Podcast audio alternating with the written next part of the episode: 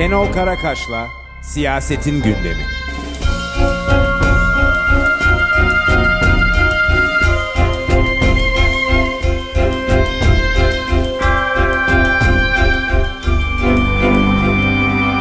Herkese zor ama iyi haftalar dilemek. İyi haftalar. E, Çok ağır bir e, felaketi yaşadık ve içinden geçiyoruz hala. E, Her düzeyde e, üzerimize üzerimize gelen e, on binlerce, yüz binlerce, milyonlarca insanı etkileyen ve siyasetçi, bürokrat, müteahhit üçgeni nedeniyle de büyük bir katliam haline alan bir felaketle karşı karşıyayız. Yani öncelikle Pazarcık merkezli e, 10 ilde çok büyük yıkım yaratan bu depremden e, bölgedeki koordinatör valinin ölü sayısının 2, 3, 4, 5 daha doğrusu felaketin boyutunun e, 2, 3, 4, 5 katı olduğunu e, söylemesiyle e, açığa çıkan e, bu boyutlarla e, şu çok açık ki e, bildiğimiz bugüne kadar e, içinde bazen mücadele ettiğimiz, bazen develendiğimiz, değiştirmeye çalıştığımız e, Türkiye'nin e, esamesini okunması mümkün değil artık. E, bambaşka bir e, Türkiye'nin kuruluş aşamasındayız. E, eski Türkiye bütün o köhneliği ve böyle felaketlere yol açan e, bütün mimarisiyle, e, siyasal dokusuyla aşılmış durumda. E, bunu önümüzdeki dönemde çok daha net göreceğiz bu. Yani bildiğimiz Türkiye'nin e, sonunda erken e, siyasal, ekonomik, toplumsal, kültürel, yerleşimsel, mimari açıdan, kentlerin inşası açısından e, kullanılan, e, inşaatlarda kullanılan e, demirin kalitesinden e, bunların denetlenmesine kadar bu türden inşaatın, inşaatların e, bütün bunları şekillendirecek olan ve eskisi gibi gitmesi imkansız hale getirecek olan dev bir öfkenin e, büyüklüğüyle hepimiz e, karşı karşıyayız. Hem hepimiz çok öfkeliyiz hem de e, bu öfke karşısında eski Türkiye'nin e, figürleri, simgeleri, sözcüleri, e, alışkanlıklarının dayanmasının e, şansı yok. E, zaten hepimizin bildiği gibi e, Türk usulü başkanlık rejimi e, dökülüyordu diyebileceğimiz e, bir rejim halinde 2018'de yürürlüğe girdiğinden beri e, ve bu rejim kızgınlığı e, en azından e, toplumun muhalif çoğunluğunda e, tırmandırıyordu. E, yani zaten son iki yıldır bu rejimin tetiklediği ekonomik krizin yükünü aşırı bir şekilde yoksullaşarak yaşayan insanlar e, zaten öfkeli olan, kızgın olan, e, göz göre göre e, boğazından alınan lokmaların egemen sınıflara sermaye aktarılmasından e, rahatsız olan e, insanlar e, bu depremle beraber e, öfkenin ölçeğinin çok daha büyük bir hale gelmesiyle tanımlanabilir. E, çünkü sadece ekonomik yoksulluk değil, e, yani kayırmacılık, kaynakların sürekli olarak sermaye aktarıldığı e, tuhaf bir e, mekanizma, hukukun bir dizi alanda askıya alınması, özgürlüklerin çok gösteri gösteri kısıtlanması, her yerin betona boğulması ama çok açık ki betona boğulurken hem de denetimsiz bir şekilde e, betona boğulması, e, toplumun küçük bir kesiminin kendisini bütün hukuki kuralların bağlayıcılığının ötesinin, ötesinde üzerinde görürken e, toplumun büyük çoğunluğunun e, en basit çıkarlarını ya tepkisini ifade etmek için bir gelişinin kısıtlanması, yasaklanması e, bu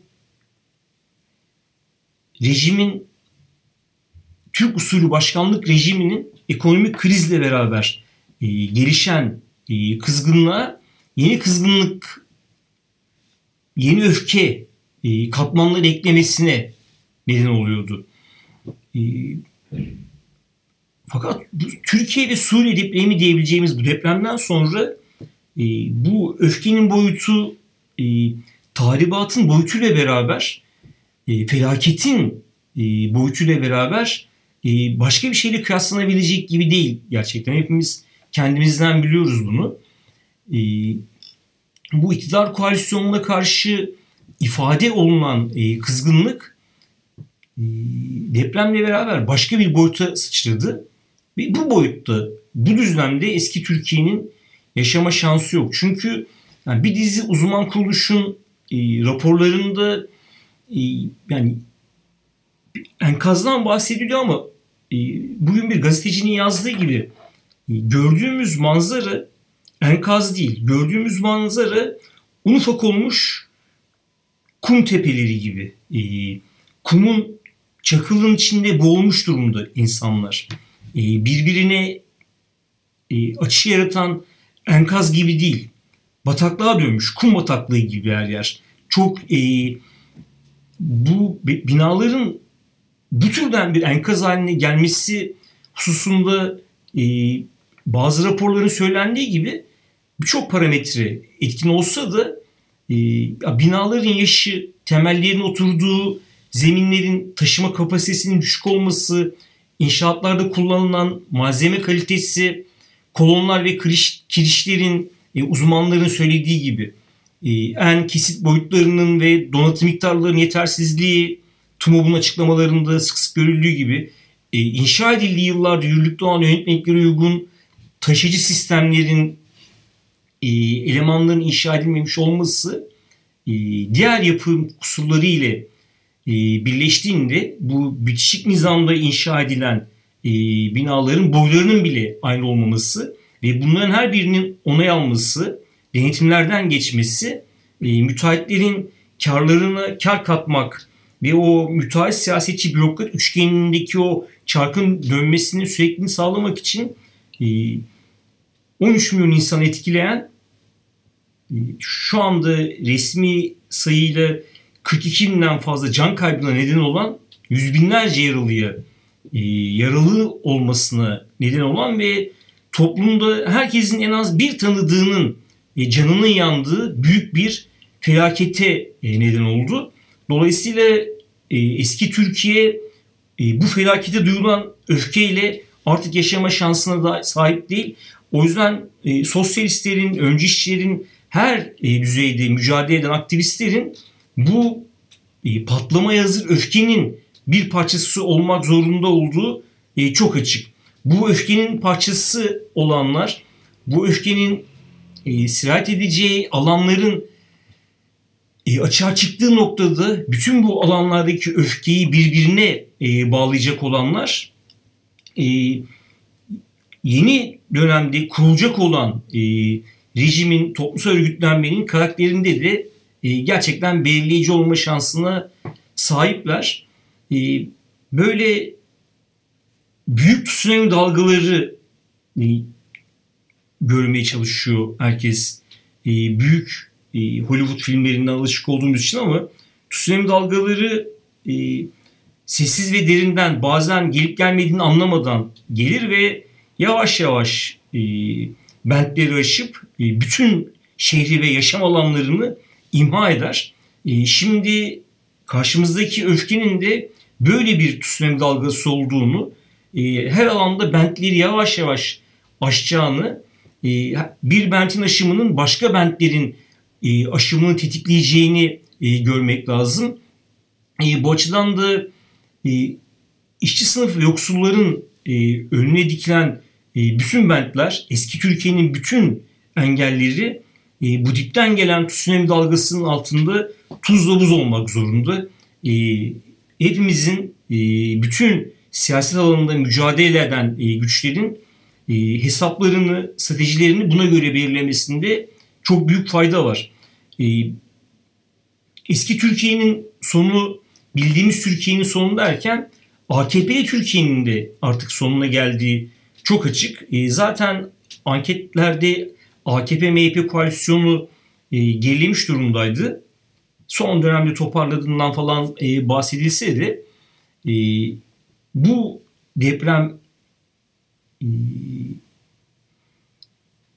deprem anı ve e, sonrasındaki e, insanları kızdıran e, pratikler 3 gün yardımların ulaşmaması, çadırların ulaşmaması, soğukta insanların kalması gibi e, olguları bir kenara bırakırsak daha da önemlisi depremden öncesindeki e, vurdum duymazlık depremden sonra herkesin gözüne çok daha keskin bir şekilde görünmeye başladı.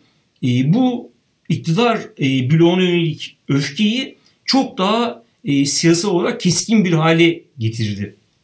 Çünkü e, kimse istifa etmemiş olsa da e, herkes e, bu depremin böyle büyük ölçekli, can yakıcı bir e, toplumsal felakete dönüşmesinin nedeninin ne olduğunu biliyor. E, biz 1915 anmalarında e, bazı yaraların zamanla iyileşmeyeceğini e, söylüyorduk.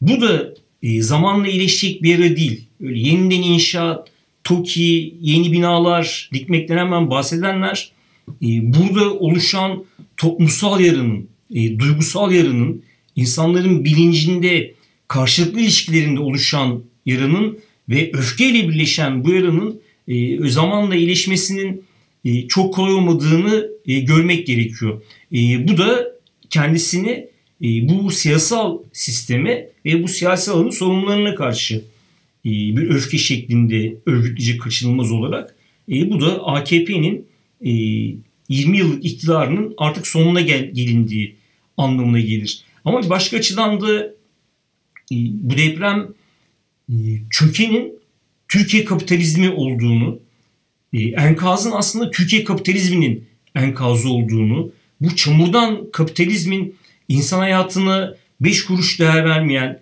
e, canlıların, hayvanların, kedilerin, köpeklerin hayatına beş kuruş değer vermeyen, e, çok ilkel seviyede bir kar hırsı etrafında sürekli devinen ve bürokrasi, siyaset ve sermaye grupları arasındaki ilişkinin bir teviye halka eziyet etmek üzere örgütlenmiş olduğu e, ve merkez sağın onlarca yıldır e, hakim olduğu e, bu Türkiye kapitalizmi ve bu kapitalizmin e, komuta merkezi gibi olan e, merkez sağ e, gerçekten de çöktü. Çökerken üzerimize çöktü.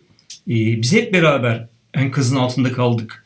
E, oradaki arkadaşlarımız, oradaki her bir canlı enkazın altında kaldığında ve e, iki hafta geçmesine rağmen e, insanlardaki öfke, e, e, moral durumdaki kırılganlıkların hepsi bundan kaynaklanıyor. Ama bunun sorumlusu e, tarihinde böyle öğeleri e, yani insanları eziyet etmek dışında e, herhangi konforlu bir alan sunma konusunda oldukça cimri olan Türkiye kapitalizminin e, komutanı olan e, merkez sağın e, zaten Türkiye'de merkez sağın çok aşırı sağda e, kurulmuş olduğunu, merkez sol denilenin de e, başka ülkelerdeki merkez sağdan hallice olduğunu düşündüğümüzde e, bu enkazın hem sorumlusu hem de kendisinin bir başka açıdan da Türkiye kapitalizmi olduğunu görmek lazım. E, Türkiye kapitalizmi şahlanırken de kardan kâra koşarken de e, bunun bedelini emekçilere ödetir ve e, kuruş koklatmamaya çalışır. E, kendisi e, çökerken de yine bunun bedelini e, iş sınıfı ezilenlerin, emekçilerin omuzlarına basarak e, e, çöken bir e, manzarayla karşılaşmamıza neden oldu. Ama bu çöken merkez sağın tarihsel referanslarından öte deprem öncesi bu kocaman bir Türkiye Cumhuriyeti tarihidir aynı zamanda. Deprem anı bu mevcut e, koalisyonun iktidarın son 20 yılının da tarihidir aynı zamanda o ana geliş. Ve depremden sonrası e, mevcut koalisyonun son 15-20 gününden e, bahsedebiliriz. E, bunun hem tarihi hem güncel e, tutumlarıyla e, büyük yığınlarda e, yarattığı öfke aynı zamanda kapitalizme karşı bir öfkeyle de birleşim potansiyeline sahip.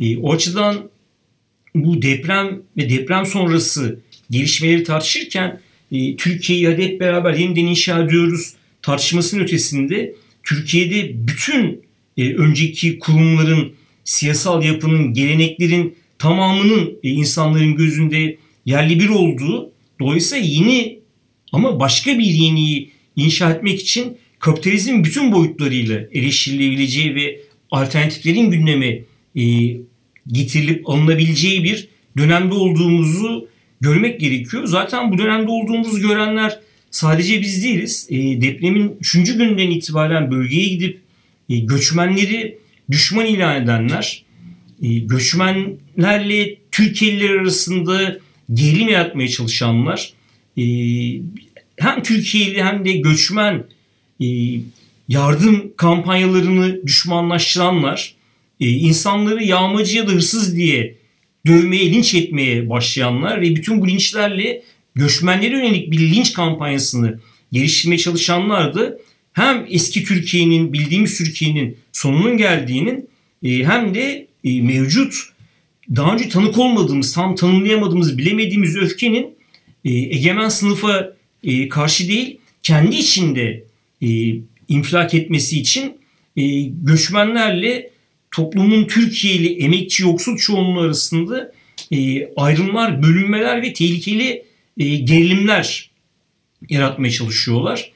E, bu açıdan İyi Parti'nin önümüzdeki hafta meclise getireceği göçmen sorununu çözelim başlıklı oturum önergesini reddetmek gerekiyor. İyi Parti kendisinden ayrılan minik neonazi parti gibi e, ırkçılık üzerinden sörf yaparak e, bütün bu toplumsal öfkeyi bu öfkenin e, odaklanabileceği gerçek sorunlardan kaydırıp e, ezilenlerin kendi içinde didişmesini sağlamaya çalışıyor. Bir arkadaşımızın yazdığı gibi deprem Suriyeli, Türkiye'li diye ayırt etmedi. Enkazın altında hep beraber kaldı bu emekçiler ve yoksullar. dolayısıyla deprem sonrası inşa, deprem sonrası yaralarımızdan arınma, deprem sonrası yan yana gelme mücadelesinde de Suriyeliler ve Türkiye'lilerin birlikte inşasından bahsetmek bir zaruriyet gerçektendi. E, o açıdan meclisteki bütün partileri İyi Parti'nin e, sorunu göçmenleri yıkmaya ve göçmenleri sınır dışı ettiğinde e, sorunların çözüleceğini ima eden e, yaklaşımına karşı almaya acilen çağırmamız lazım. E, bütün milletvekillerini e, basınç yapmaya başlamak lazım. Bu çok e, tehlikeli bir e, gerginlik e, muhalefetin burada çok daha farklı bir pozisyon alması lazım.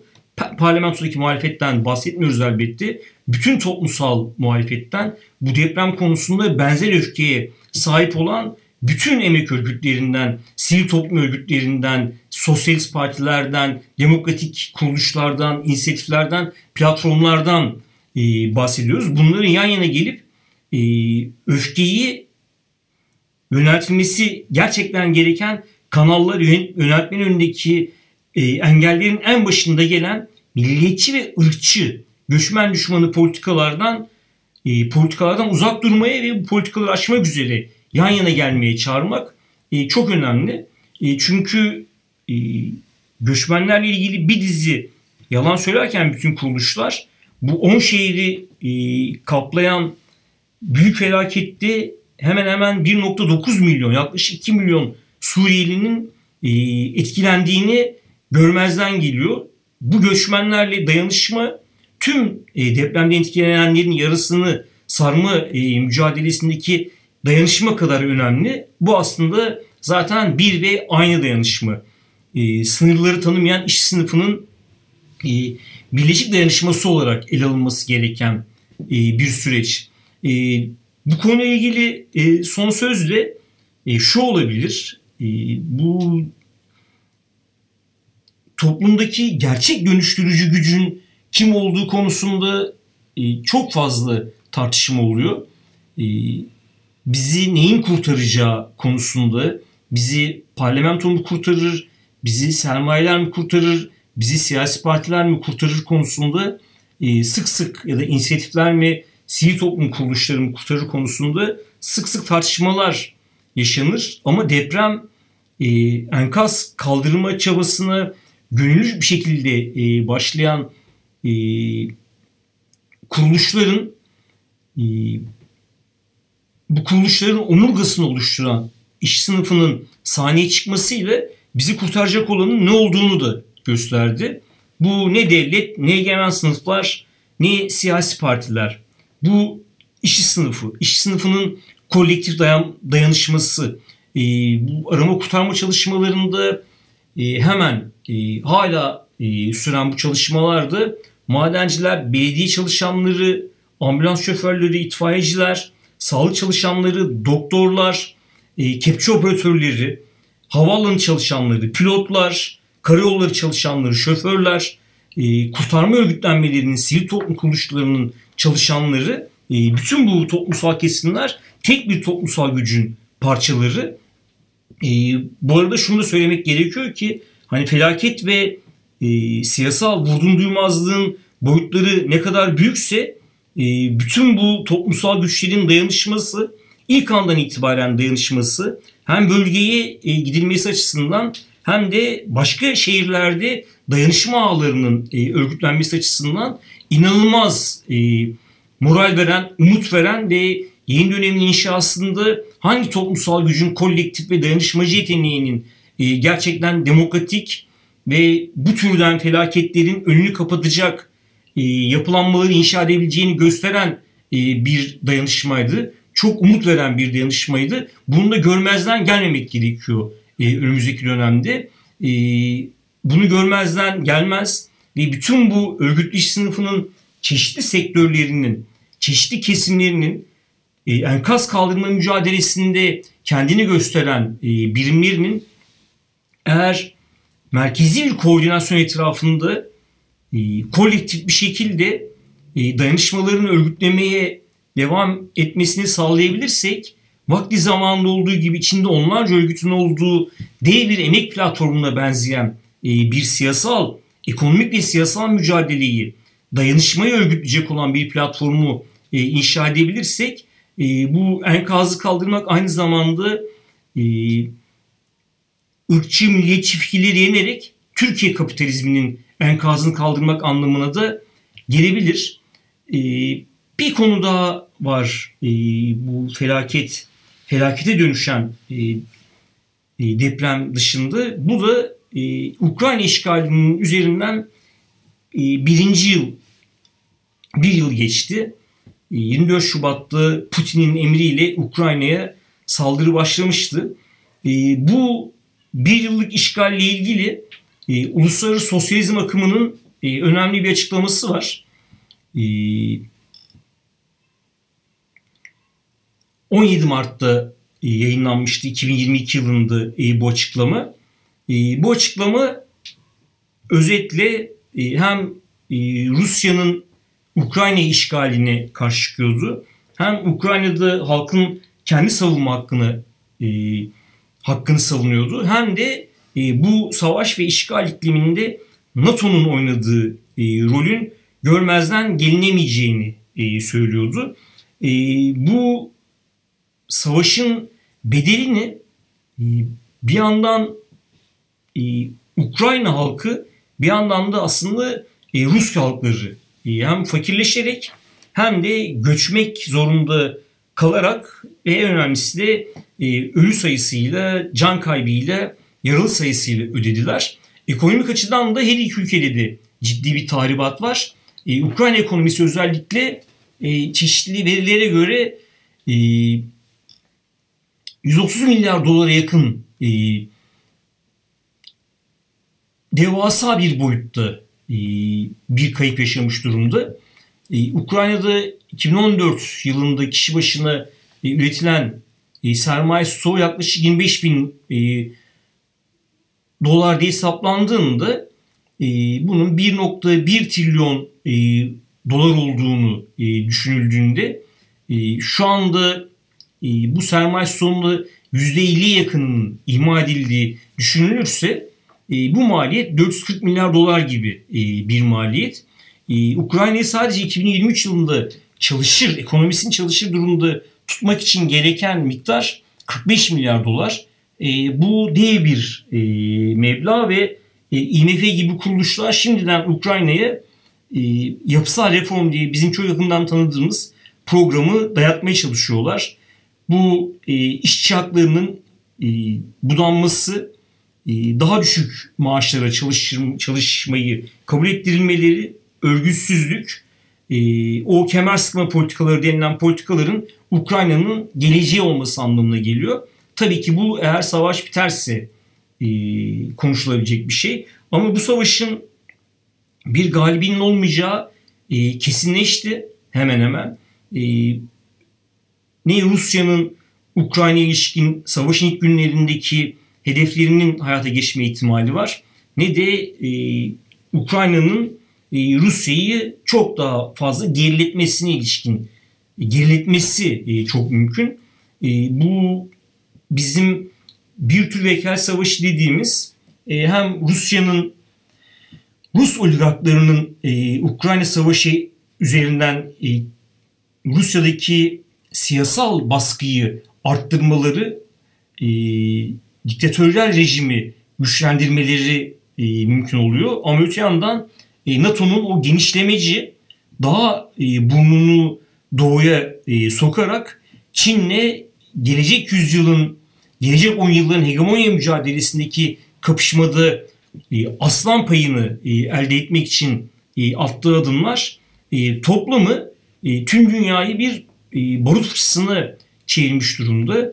Zaman zaman nükleer silahların kullanılması ve sık sık da iklim krizine ilişkin şu tedbirleri alacağız diyen devletlerin Ukrayna işgalini bahane ederek yeniden fosil yakıtları kullanmayı dönmeleri gibi çok daha şu anda savaşın gölgesinde görünmez olan ama yıkıcı e, iklim krizinin kapılarını sonuna kadar açan e, politikaların hakim hale gelmesi e, bütün gezegen üzerindeki yaşam açısından ciddi bir tehlike. E, o açıdan e, savaşın birinci yılında Rusya'nın derhal Ukrayna'yı terk etmesi ama NATO'nun da bu genişleme politikalarına derhal son vermesi ve NATO'nun çözülmesi gereksiz bir güç olarak tanımlanıp çözümlenmesi yönündeki talebimiz de e, savaşın birinci yılında yaşanan talibatı e, tüm dünyanın çok daha tehlikeli bir yer haline e, bu savaş sayesinde gelmesini göz önüne olarak e, bir kez daha dile getirmek gerekiyor. E, herkese uluslararası sosyalizm akımının e, Ukrayna'daki savaşın birinci yıl dönümüne dair yaptığı açıklamayı da okumaya davet ediyorum. Herkese iyi yayın, iyi haftalar.